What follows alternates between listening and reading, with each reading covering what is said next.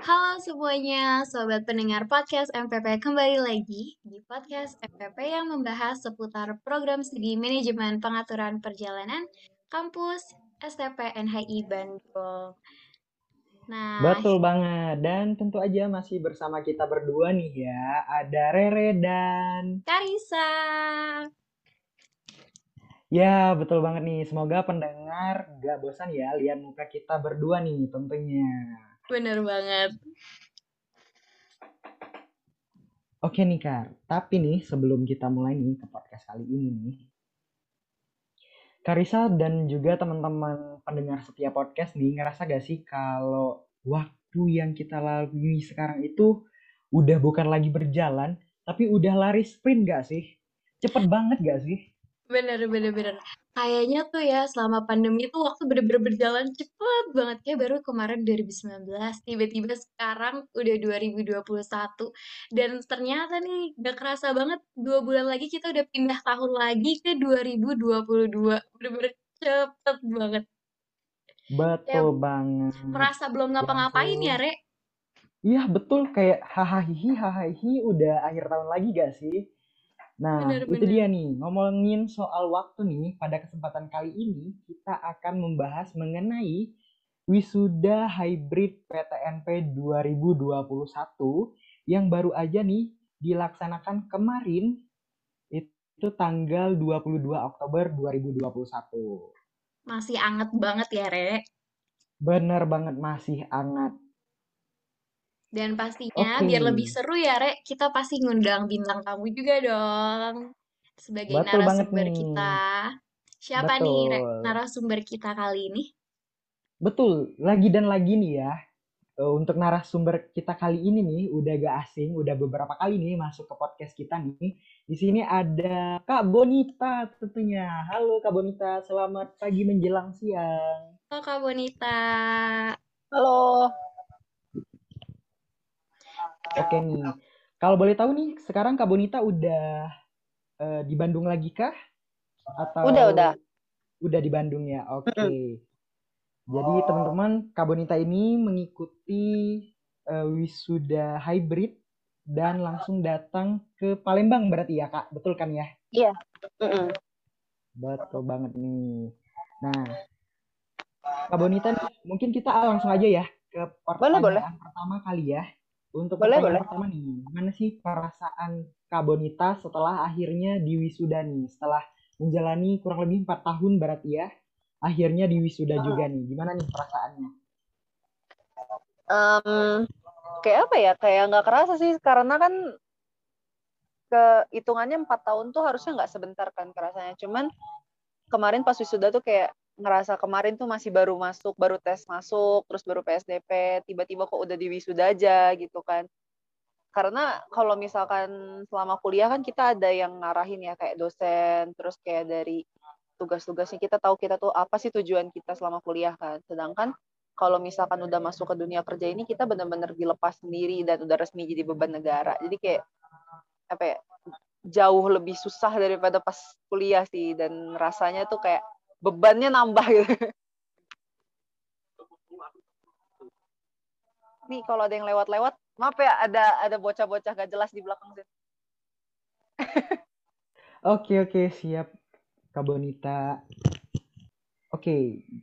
Ini lagi kumpul ya Kak berarti ya Kak sama yang ya, lainnya. Mau perpisahan gitu nih Kak ceritanya. Iya betul. Oke, okay. Nah, Kak, tadi kan uh, dikasih tahu nih kalau wisuda tahun ini kali ini adalah hybrid ya, Kak, uh, sistemnya bukan full online kayak tahun kemarin. Teknisnya sendiri, teknis hybridnya itu kayak gimana sih, Kak? Boleh tolong dijelasin nggak? Hmm, kalau misalkan si wisuda hybridnya, kalau yang wisuda bersama itu kemarin kan venue-nya di Poltek Par Palembang dan itu ada 12 orang dari masing-masing 6 PTNP yang ada di bawah naungan Kemenparekraf itu diundang ke sana 12 orang ini itu yang mewakili dari si masing-masing PTNP kan dua-dua. Nah, di sana kita wisudanya benar-benar full offline, apa namanya? maksudnya langsung gitu acaranya di venue dan untuk yang apa online-nya ya via Zoom meeting kayak biasa live streaming. Sama di siarin juga di YouTube live-nya Kemenparekraf. Kalau misalkan yang wisuda bersama itu yang pagi. Nah, setelah dari wisuda bersama itu ada wisuda yang per PTNP-nya, wisuda mandiri.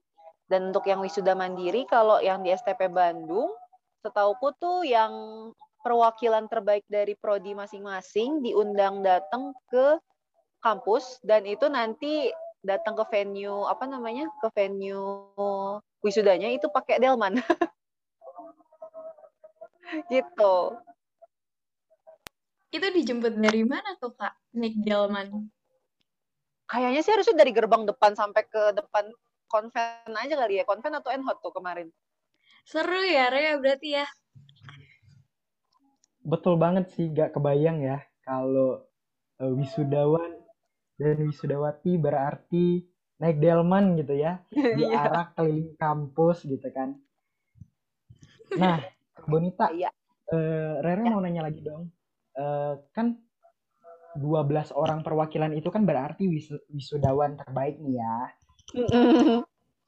nah gimana sih kak persiapan sebelum uh, wisuda yang di Poltekpar Palembang itu persiapannya maksudnya kayak gladi bersihnya gitu-gitu ya? Iya, mungkin persiapan hmm. mungkin dari Bandungnya kah sampai ke uh, Palembangnya gimana tuh?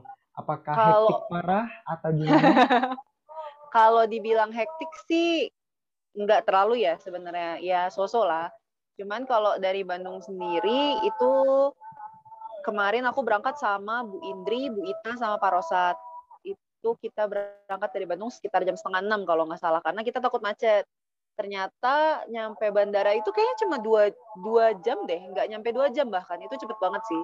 Nyampe sana kita udah biasa kan apa check in segala macam terus kita berangkat di Palembang. Nah di Palembang itu begitu sampai karena kita pesawatnya sempat delay jadi kita mau nggak mau harus makan dulu baru ke venue-nya di Poltekpar Palembang. Dan itu kita gladi sampai agak malam sih waktu kemarin itu yang hari pertama. Itu kita gladi kotor kalau nggak salah sampai jam 6 ya atau jam setengah tujuh gitu.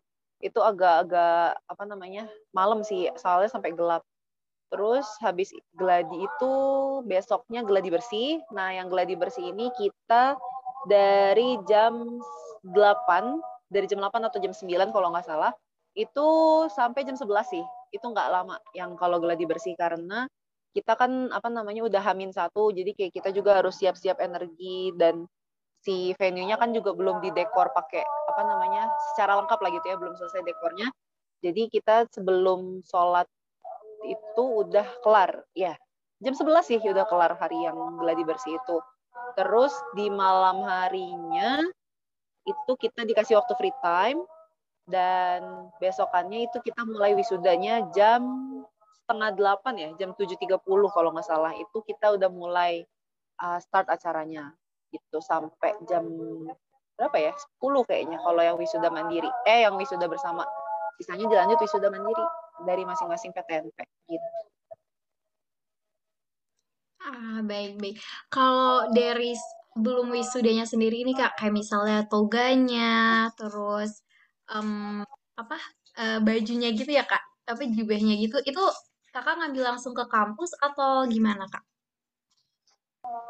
Um, kalau untuk toga, samir, terus kayak map gitu-gitu, semuanya dikirim dari kampus. Jadi kita pas lagi bulan September kalau nggak salah itu, awal September setelah kita beres uh, yudisium, terus kayak kita beres nyerahin revisi, itu kita dikasih link buat diisi, buat ngedaftarin diri kita ikutan wisuda.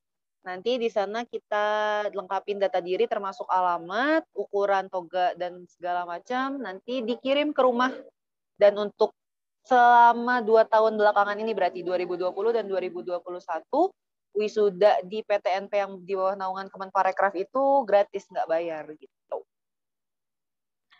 Mantap sekali ya kak. Terus nih kan kalau tadi kita bahas persiapan wisudanya. Sekarang Karisa mau tanya pas hari H wisudanya nih Kak. Gimana sih Kak? Apa aja yang terjadi? Gimana perasaannya gitu Kak? Kan kebetulan Kakak ketemu juga nih sama Pak Menteri ya. Iya. Asik. Boleh dong Kak diceritain. Hmm, pas hari H ya. Jadi itu pas hari H kita karena waktu itu dari Bandung kan perwakilannya aku dan Ai kan um, itu kita bangun kayaknya kita bangun jam 4 itu jam 4 atau jam 5 terus kita beres-beres siap-siap. Rencananya aku sama Ai itu jam 6 atau jam setengah 7 tuh kita mikir oh udah beres gitu kan. Kita mau sarapan dulu di hotel. Ternyata tidak. Jam 7 kita baru bisa turun. Ternyata tidak. Jadi kita nggak sarapan paginya terus kita datang ke venue kita registrasi segala macam kita nungguin tuh acaranya mulai untung dikasih snack jadi kita bisa makan roti di situ kan. Nah udah dari sana acara dimulai. Nah pas lagi mau wisuda tuh karena kan kita selama geladi kotor dan geladi bersih nggak ketemu pak menteri kan. Nah pas lagi hari H tuh pas pak menteri datang kayak anak-anak tuh udah pada ngomong ih deg-degan ya ih deg-degan ya pada. Kayak apa ya tegang sendiri gitu ngeliat ngeliat beliau kan. Terus akhirnya pas lagi dipanggil pengukuhan itu harusnya kita tuh uh, apa namanya pengukuhan wisudawan dan wisudawati dulu baru penampilan. Cuma ada sedikit perubahan jadi penampilan tari kolosal itu yang 110 ya 110 mahasiswa dari apa Poltek Par Palembang itu tampil dulu baru pengukuhan. Nah di situ setelah selesai pengukuhan kita dikasih info kalau misalkan Pak Menteri mau bikin podcast ya waktu itu kalau nggak salah di jadi kayak podcast untuk si 12 mahasiswa-mahasiswa itu yang datang ke Poltek Palembang. Jadi setelah beres semua dari yang wisuda apa namanya wisuda bersama dan wisuda yang mandiri punya Palembang itu kita nggak boleh ke mana-mana dulu. Kita stay di ruangan adaknya Poltek Palembang. Di sana kita nungguin Pak Menterinya itu ada penanaman pohon. Habis itu kita kumpul berdua belas, terus rombongan beliau datang. Di situ lebih ke arah kayak beliau nanya-nanya tentang uh, apa ya data data kita gitu, identitas kita, nama, terus kayak dari program studi apa, dari PTNP mana, dan ditanya juga kayak visi misi kita tuh ke depannya mau apa sih gitu kan setelah lulus dengan mengemban apa namanya gelar uh, kalau misalkan aku misalkan D4 gitu ya, dengan aku yang gelarnya STR PAR gitu kan, Sarjana Terapan Pariwisata, dengan gelar ini tuh mau dibikin apa sih gitu kan. Jadi kayak satu-satu tuh ditanyain gitu. Dan karena waktu itu kan ada satu orang yang dari magister itu dari Bali namanya Kak Dewi itu beli kayak beliau tuh yang dari S2 sendiri kan waktu itu dan apa ya ngedenger ya beliau itu udah punya apa sih kayak lembaga-lembaga pelatihan sendiri tuh kayak, wih keren banget gitu. Jadi kayak ngelihat mereka satu-satu ngejawab dengan visi visi misi yang beda-beda tuh menurut aku itu berkesan banget sih. Kayak oh ternyata memang apa namanya visi misi anak-anak yang udah lulus tuh beda ya. Kalau misalkan dibandingin sama kayak pas kita baru masuk kuliah tuh naif banget ya kayak pengen apa pengen apa gitu yang yang kelihatannya buat kita tuh gampang gitu. Sedangkan kalau udah lulus tuh emang visi misinya beda gitu sampai ada yang satu ngejawab kayak pengen bisa keliling dunia pengen jadi orang paling kaya itu kayak ya bener sih maksudnya bisa gitu kan maksudnya itu adalah sesuatu yang memang bisa dijadikan impian gitu. Dan kalau misalkan kita usaha kenapa enggak bukannya sesuatu yang impossible gitu kalau kita usahain. Pas hari hanya itu sih seru banget. Seru parah sih. Saya dengarnya juga kayak seru banget ditunggu ya kak nanti ntar aku tonton deh podcastnya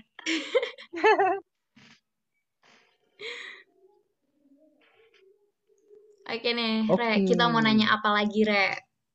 Uh, mungkin uh, ini ya, uh, Kak Bonita, ada hmm? pesan, hmm? ada pesan dan pesan nggak sih untuk mungkin untuk dosen atau untuk teman-teman, atau hmm. juga orang-orang yang mungkin ya berada di kampus lah gitu ya, yang teman, yang pernah membantu atau juga nih pesan kesan untuk uh, adik-adik tingkat kakak-kakak nih gimana? Hmm, kalau misalkan pesan kesan, sebenarnya kemarin tuh aku sempat disuruh bikin video pesan dan kesan kan. Cuma karena aku bingung mau ngomong apa, jadi aku lebih bikin video itu untuk mengucapkan terima kasih jadi. kalau kalau misalkan pesan kesan kayaknya bakalan seharian nggak beres tuh apa namanya ngucapin apa yang ada di MPP yang aku dapetin selama empat tahun tuh kayak nggak ada habisnya kan? Tapi kalau misalkan aku apa ya mau nyampein pesan-kesan terutama buat dosen-dosen di prodi gitu kan dari kajur kita Bu Endang terus Pak Wip habis itu Bu Cucu, Pak Faisal, Pak Anggi, Pak Ronald, Beningrum, Paris, terus dari apa namanya admin juga kan Bu Tuti, Bu Yuni, siapa lagi? Siapa lagi yang belum disebut dan siapa lagi ya? Dosen-dosen bahasa terus uh, apa namanya pokoknya staff-staff dari MPP deh gitu kan termasuk kayak Pak Jajang gitu. Apa ya selama empat tahun ini tuh jujur ngerasa beruntung banget bisa masuk MPP karena staff dan dosennya itu um, gimana ya tipe-tipe yang nggak serius gimana ya jadi kalau waktunya serius mereka bisa serius dan bisa tegas gitu. Tapi kalau misalkan lagi waktunya bercanda, mereka tuh bisa melupakan keseriusan mereka gitu. Dan itu menurut aku kayak kalau kulihat dari prodi-prodi sebelah mungkin agak jarang ya dosen-dosen yang bisa gitu. Dan apalagi kita tuh yang dosennya kayak gitu bukan cuma satu dua tapi semua gitu loh. Kayak jarang loh aku bisa nemu yang bener-bener se, se apa ya, se-friendly itu gitu. Karena kan hitungannya udah dosen ya. Kalau guru SD, SMP, SMA mungkin masih bisa friendly karena kan kita masih ada di tahap apa ya pertumbuhan gitu ya si perkembangan otaknya juga masih harus dibangun lah gitu. Kalau misalkan udah kuliah kan kita ya seharusnya dianggapnya udah mentally siap lah ya, mentally ready gitu. Makanya biasanya kan pada tegas kayak eh, apa ya ngegeber biar kita tuh jadi orang gitu. Dan apa namanya aku benar-benar berterima kasih karena dengan ajaran dan didikan yang dikasih selama empat tahun oleh beliau-beliau ini, aku bisa jadi aku yang sekarang gitu yang apa ya dulu tuh aku termasuk tipe-tipe orang yang stern gitu. Kayak kalau misalkan aku maunya ini ya kekeh gitu nggak mau nggak mau apa ya nggak mau nyari jalan lain gitu. Kayak kalau misalkan di buku ini udah A caranya udah itu gitu nggak mau aku ganti. Cuma dengan ke kefleksibel kefleksibelannya beliau jadi bisa gitu kayak oh kalau ini nggak bisa ya udah coba deh approach dari jalan yang B gitu misalkan. Atau kalau nggak misalkan sampai ke yang J gitu. Jadi banyak cara gitu kan buat ngedapetin sesuatu itu. Selama cara itu memang benar gitu. Terus kalau misalkan dari segi apa ya yang aku mau kasih pesan dan kesan lagi itu dari segi hima sih aku kan join hima dua kali dan dua-duanya itu menurutku hima yang hebat-hebat banget sih terutama yang kemarin hima 2020-2021 karena kita udah nyiapin segala sesuatunya buat on offline ternyata ya aduh gimana ya jadi online semua.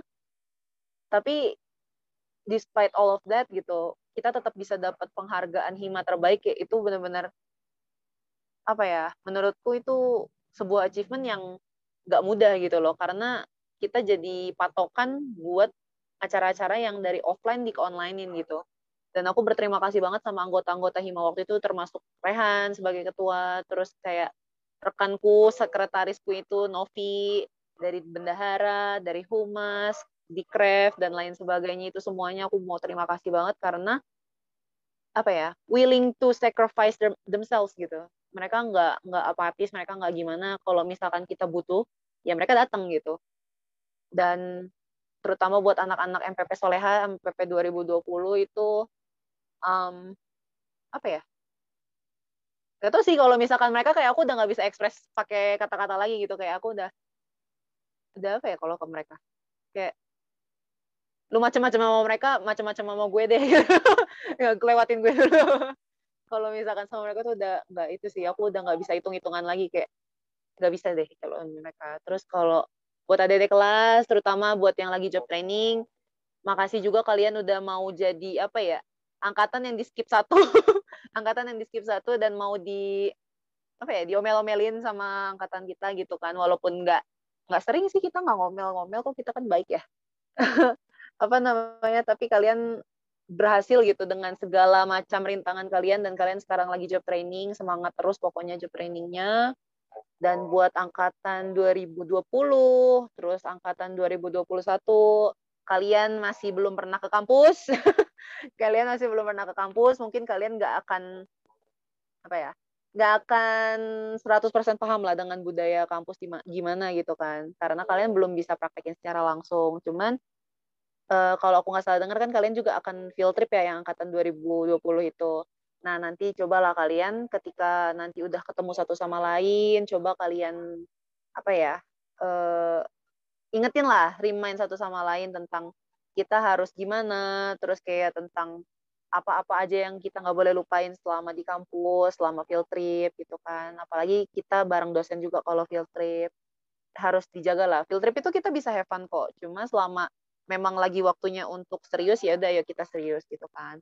Kalian juga belajarnya jangan yang setengah-setengah dan kalau misalkan ada rekan kalian gitu ya, rekan satu kelas yang misalkan um, gimana ya?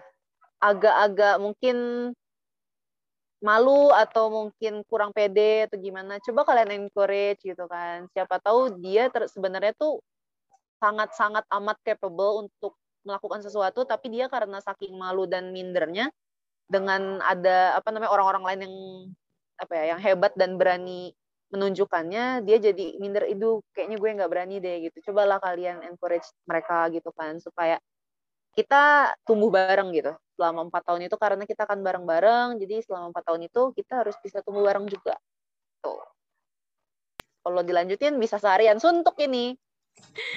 Mantap banget ya kesan pesannya kayak buat uh, siapa tahu nih ada pendengar podcast MPP yang pengen masuk MPP gak usah ragu-ragu langsung aja masuk karena seru banget ya kak pastinya. Banget banget. Jujur banget itu pasti akan merasa nyaman di sini. nah, kita udah bahas nih kak tadi uh, wisudanya, udah sampai ke kesan pesan juga yang panjang. Untungnya uh, dipotong-potong ya pasti banyak banget tuh mau jabarin pesan-pesannya ya kan sebenarnya aku juga kayak butuh banget nih banyak banget saran cerita pengalaman dari kakak tapi karena uh, waktunya yang tidak mencukupi jadi mungkin kita akan cerita-cerita di lain kali lagi karena kayak Kak Bon itu udah jadi tamu ini ya udah jadi tamu tetap ya iya ya, bener banget ya. bener banget tamu tetap podcast MPP kayak pas para pendengar podcast MPP siapa sih yang nggak kenal Kak Bonita eh. Benar, benar, benar, benar, benar, benar. Ayah kalian ini. Oke, mungkin teman-teman pendengar setia podcast MPP segitu dulu untuk podcast kita pada hari ini. Oh ya, namun tadi kita lupa ya di awal eh, kami mengucapkan selamat karena sudah menyelesaikan uh, kuliahnya untuk Kak Bonita dan juga untuk kakak-kakak yang lainnya dan juga mungkin kakak-kakak dari PTNP eh, yang lain, 6 PTNP 6 PTNP yang lain di bawah uh, Kementerian Pariwisata dan Ekonomi Kreatif. Kami ucapkan selamat dan juga tetap semangat. Makasih, kalian juga semangat loh kuliahnya. Siap, siap, siap. Tetap semangat untuk mungkin mengarungi gerbang baru ya, masuk ke gerbang baru lagi ya, ke kehidupan iya. yang lebih keras mungkin ya. Kehidupan oh, nyata yang keras ya. Keras dan lebih mandiri ya. Betul betul betul betul betul. Baik teman-teman semuanya itu itu tadi uh, podcast kita pada hari ini. Jangan lupa untuk selalu pantauin uh, Instagram kita, Instagram Hima ada di @hima.mpp dan juga ada media sosial lain yang akan di nanti akan ditaruh di bawah ya di linknya ada uh, TikTok, ada juga Spotify, ada juga Twitter dan lain-lain. Terakhir dari kami, kami ucapkan terima kasih banyak dan sampai bertemu lagi di podcast MPP yang lainnya. Dah. Dadah. Terima kasih banyak Kak Bonita. Ya, terima kasih.